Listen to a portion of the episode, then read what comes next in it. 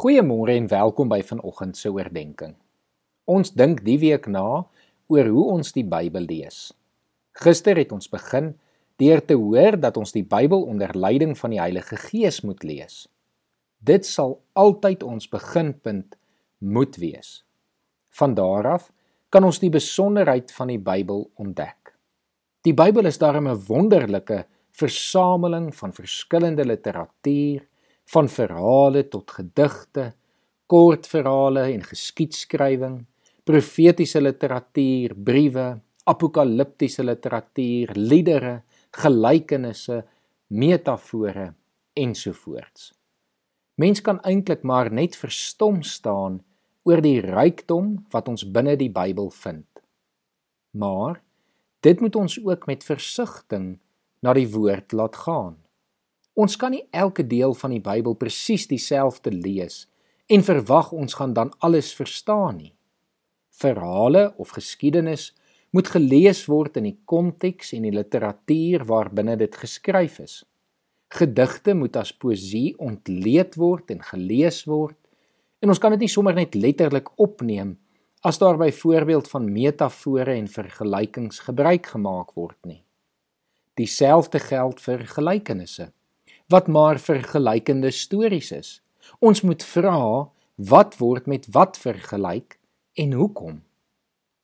Hierdie vrae help ons dan om te verstaan wat die skrywers bedoel het. Die profetiese literatuur en die apokaliptiek raak soms nogal ingewikkeld en daarom moet ons met deernis en met deeglikheid die tekste ondersoek. Ons moet ook besef dat die leefwêreld waarbinne die Bybel geskryf is baie van ons moderne wêreld verskil. Die moderne wêreld waarbinne ons leef is baie anders as die wêreld waarbinne die mense van die Bybel geleef het. En daarom moet ons die konteks van die Bybelskrywers en lesers in ag neem sodat ons beter sal verstaan wat bedoel was toe dit geskryf is. Sekere spreekwoorde en gesegdes bestaan nie eers meer vandag nie. En gelukkig het die Bybelvertalers ons soms te gemoed gekom om dit te vertaal in 'n manier wat ons vandag sal verstaan. Maar nogtans moet ons besef dat ons wêreld baie van die Bybelse wêreld verskil, dat ons taal anders is as hulle taal. Miskien klink dit amper asof ek na ek gister jou aangemoedig het om die Bybel te lees, dit vandag amper weer ont ontmoedig. Dit is glad nie my bedoeling nie. Ek wil egter net weer beklemtoon hoe belangrik dit is om die Bybel onder leiding van die Heilige Gees te lees sodat hy dit vir jou verstaanbaar en van toepassing op jou lewe kan maak. Maar ek wil jou ook aanmoedig om meer te leer ken van wat jy lees. Daar is 'n ongelooflike groot waarde om nie net die Bybel te ken nie, maar ook hoe die Bybel ontstaan het, hoe die skrywers geskryf het, hoekom hulle geskryf het, wat die konteks was toe hulle geskryf het, en dan te verstaan wat was die bedoeling vir die eerste lesers in die Bybelse tyd.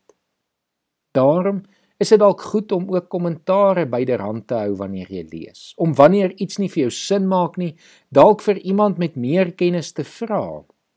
So kan jy leer en self tot meer kennis van die Bybel kom. Mag dit dan vir jou ook lekker wees om dit te doen. So SuperSport se advertensie 'n paar jaar terug gesê het, "The more you know, the better it gets." Kom ons bid saam. Here, ons besef dat die Bybel 'n ongelooflike boek is, 'n versameling van geskiedenis en gebeure oor duisende jare, Here. Ons besef die waarde van soveel mense wat in 'n verhouding met U was en dit neergepen het, Here, sodat ons dit vandag kan lees en daaruit kan leer wie is, wat U gedoen het en wat ook U wil vir ons lewens vandag is. Maar Here, ons kom erken dat ons nie altyd alles van die Bybel verstaan nie. En Here daarom soos ons ook gister gevra het, vra ons dat U ons sal help deur U Gees dat dit wat ons lees vir ons verstaanbaar sal wees en op toepassing van ons lewens sal wees. Maar Here, help ons ook om by mekaar te leer. Help ons om meer kennis te ontgin, Here, sodat ons al hoe beter u woord kan leer ken en kan verstaan. Amen.